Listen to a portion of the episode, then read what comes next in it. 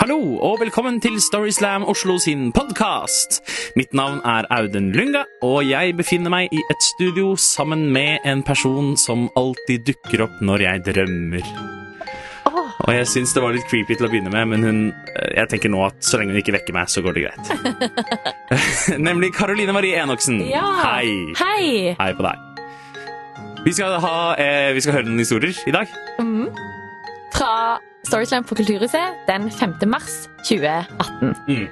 Og den eh, episoden eh, vi skal høre i dag, den handler jo i stor grad om det å få dårlige nyheter, og det å takle de. Og ikke minst så tenker jeg også at det er en slags eh, hyllest til de menneskene som vi har rundt oss i disse situasjonene. Og førsteforteller forteller hvordan han opplevde eh, å være nær noen når man vet at det går mot slutten.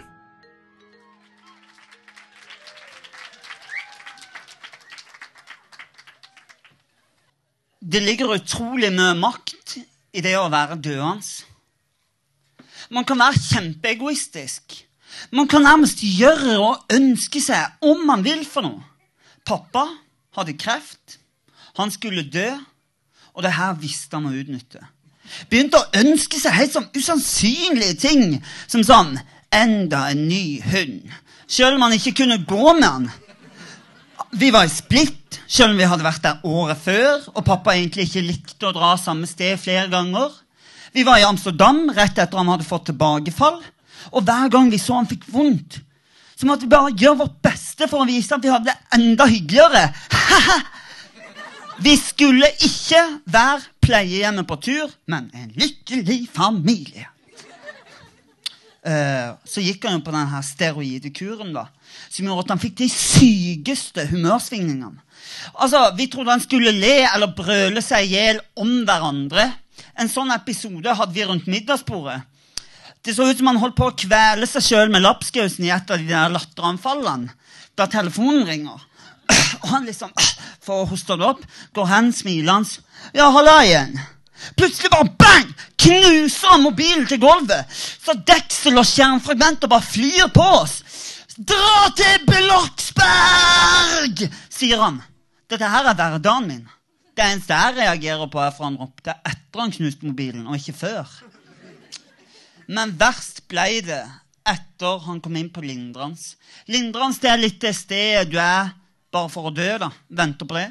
Um, så vi visste at det ikke var lenge igjen den dagen vi var på besøk hos han. Og han retter seg litt opp, og med en sånn skjelvende, løfta morfinfinger peker han rett på farmor. Så nesten hvisker han. Jeg ønsker meg en hjemmestrikket fanakofte. Og stakkar farmor har jo kjempekraftig revmatisme. Altså leddgikt. Det ble dørgende stille. Pff. Meg og mamma bare sånn kikker på hverandre med et sånt 'skal vi late som vi ikke hørte det' blikk. Og liksom 'Pappa, er det ikke nok at du skal dø? Må du søren meg dra med deg farmor i samme slengen? Men hva skal du gjøre? Når den døende sønnen din sier han ønsker seg en hjemmestrikka fanekofte Hun kunne jo ikke gjøre noe annet enn å bare hive seg i bilen med farfar hjem for å strikke. Og hver gang vi var på besøk hos farmor og farfar i denne perioden, så husker jeg bare farfar sånn På garnballen. bare sånn ut til farmor. Og farmor med den frenetiske pinneklikkinga. Bare sånn tikk, tikk, tikk, tikk. Hun strikka så fort at jeg trodde garnet bare skulle sånn pff, antenne i hendene på. Og så var det mamma, da.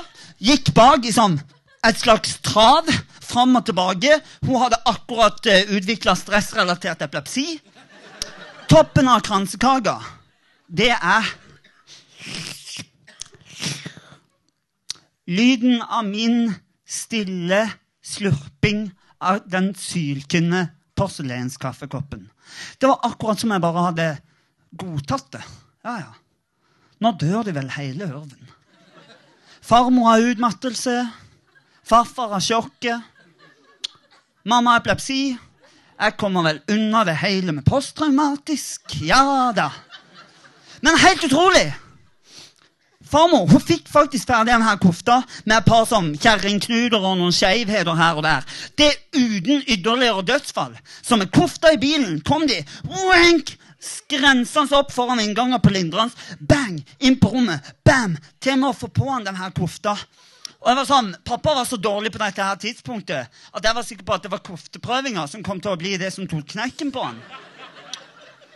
Men med god hjelp fra klokka, mamma, min bror, min søster og samtlig sykepersonell fikk de søren meg kofta på han. Jeg er bare flua på veggen som står sånn og liksom innser alt. All denne galskapen, jobbinga, stressinga, faren for å ta med seg folk i dragsuget. Ufattelig absurd meningsløst er det ikke. Han er jo så vekke i morfintoga at det var sånn Han visste knapt at han hadde på seg mot tøy i det hele tatt. Men han fikk se seg sjøl i speilet med kofta. Og det han sier, er Den var fin. Løfter en sånn slags tommel opp før han synker ned i senga igjen. Og neste natt, i akkurat den kofta, ser jeg pappaen min dø. Jeg er en dramatiker. Altså, jeg liker min spotlight. Så idet pappa dør, tar jeg bare sixpence og wank, kaster han på sykepleieren og løper. For ute øsregner det. Dette er min eneste sjanse til å få den frihetens regnscena uten at det skal bli pompøst. Men mamma har fulgt etter meg. Bang! Hun griper meg i armen i gangen. Før hun bare sånn wank, kollapser i en sånn bylt av snørr og tårer og Nei! Nei! Nei! Og dette, dette her er ganske grusomt. Uh, men Og jeg har ikke sagt det til noen før, men uh, det eneste jeg tenker, er Mamma, riktig. Du måtte stjele min spott. Hm. Måtte du ikke? Jeg tenkte ikke på at vi tok altfor mye plass der vi sto og grein og snørra og skreik. Eller, eller hva for en jungel det ville blitt hvis alle på avdelinga skulle gjort det samme som oss. Det hele ender med at jeg faller ned på kne på sida og vi blir én stor, hulkende bylt i det jeg forstår at vi begge spiller skuespill. Bare for å slippe unna realiteten i en kort, svett amerikansk scene. Ei uke etter all denne galskapen så innså jeg noe. Pappa han, han ønsker seg ikke alle disse tingene ut av ren egoisme. Eller bare for å være tverr. Han ønska seg alle disse tingene, for han hadde fått en oppsigelsesfrist. Og han ville ikke gå som en leilighet med tre måneder, der leiligheten er ferdig fraflytta og utvaska i første måned. Han ville leve mens han levde, og dø når han døde. Og han var virkelig i sin kropp sin egen leilighet helt til siste minutt. Og han viste å sette pris på det med en tommel opp i fanekofte.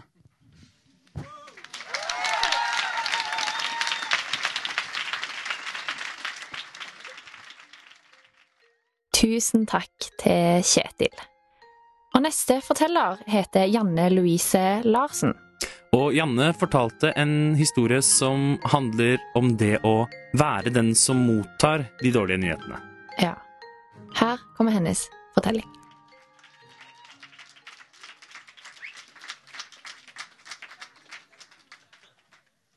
Jeg møter veggen annethvert år.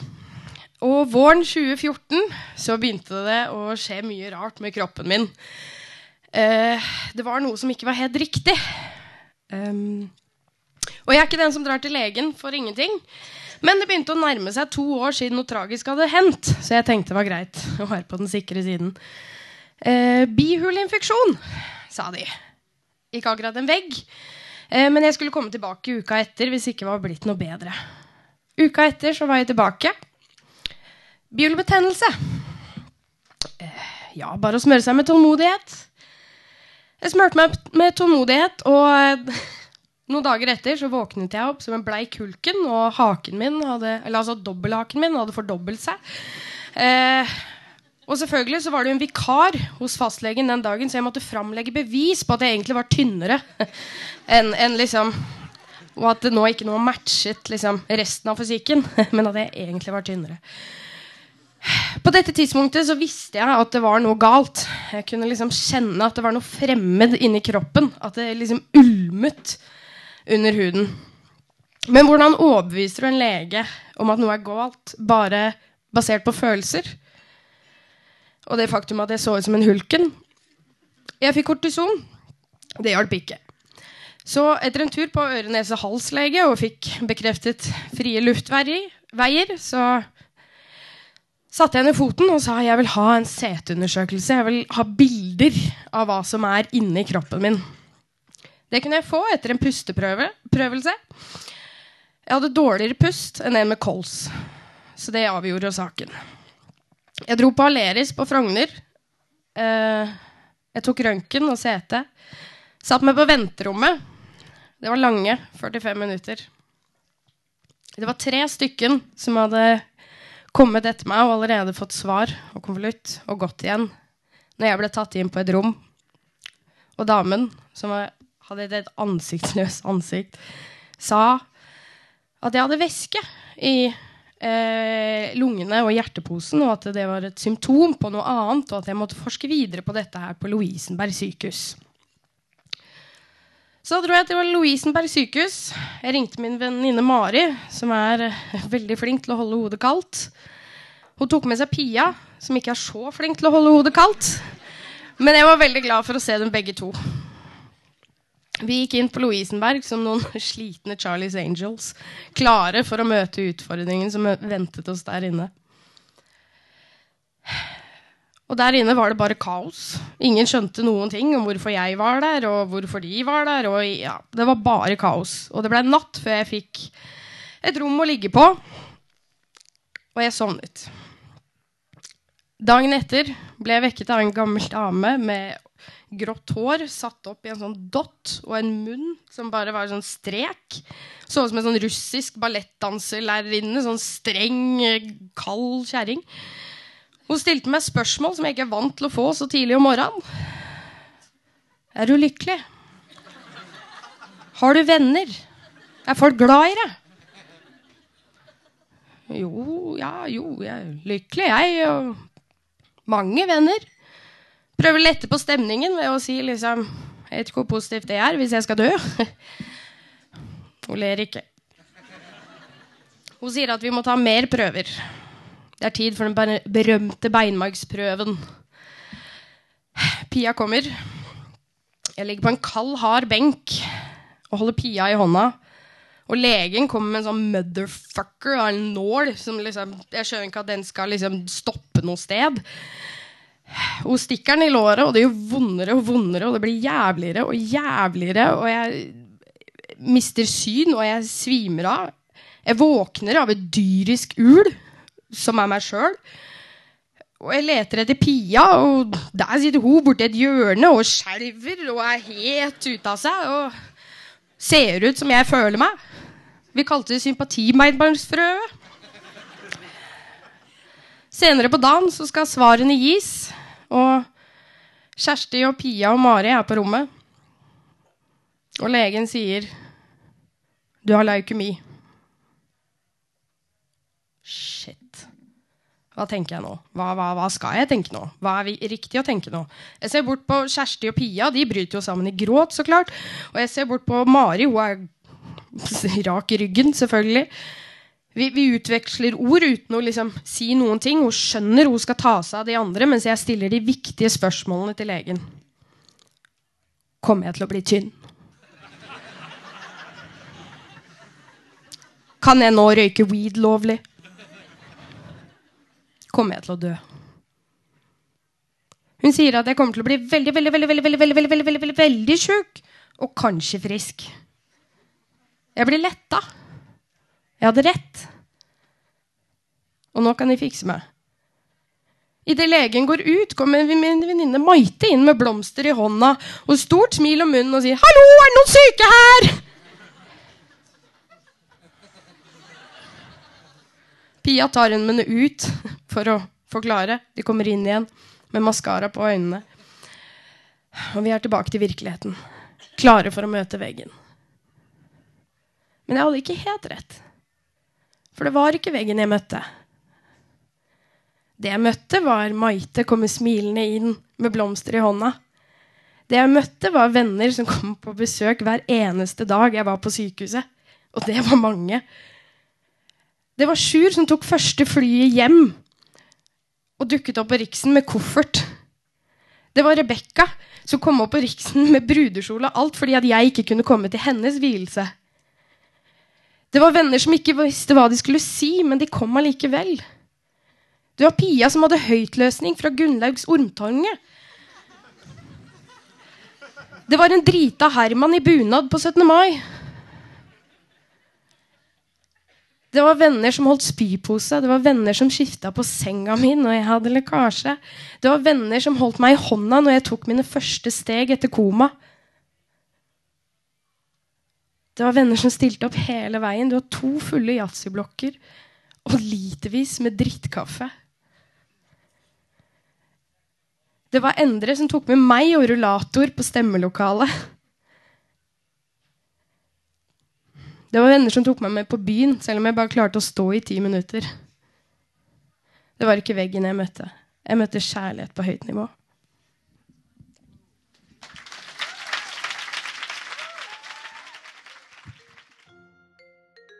Tusen takk til Janne. Og neste Storyslam, Audun, den er rett rundt hjørnet. Yes. Det blir onsdag 25. april, og det blir i Bergen. Bergen. Byen mellom de syv fjell. Der grunnlovsfedrene undertegnet Grunnloven i 1814. Fødestedet til Edvard og Nordahl, Grieg. Og ikke glem Petter Northug. Fløibanen, Friele. Ishavskatedralen. Midnattssolens rike. Der reinsdyrflokkene vandrer på vidda. Nei, nå er det stopp. Det er jeg som er Nå på vidda. ble det veldig mye fake news Ja. med deg. ja. Det ble det. Sorry. Men uansett så skal vi dit, til Lille Ole Bull scene, eh, klokka 20.00. 25. Så- april, som sagt. 25. april. Så ta turen dit, og hvis du kjenner noen i Bergen, så kan du jo tipse dem om å ta turen dit. Ja, for eksempel Oskar Jacobsen. Du kan komme. Ja, Ja, ok. Ha en, en som kan komme. Shout-out til Mhm. Oskar der. Ok. Og I mellomtiden så kan du også følge oss på Facebook, der det kommer løpende informasjon om alt det vi holder på med.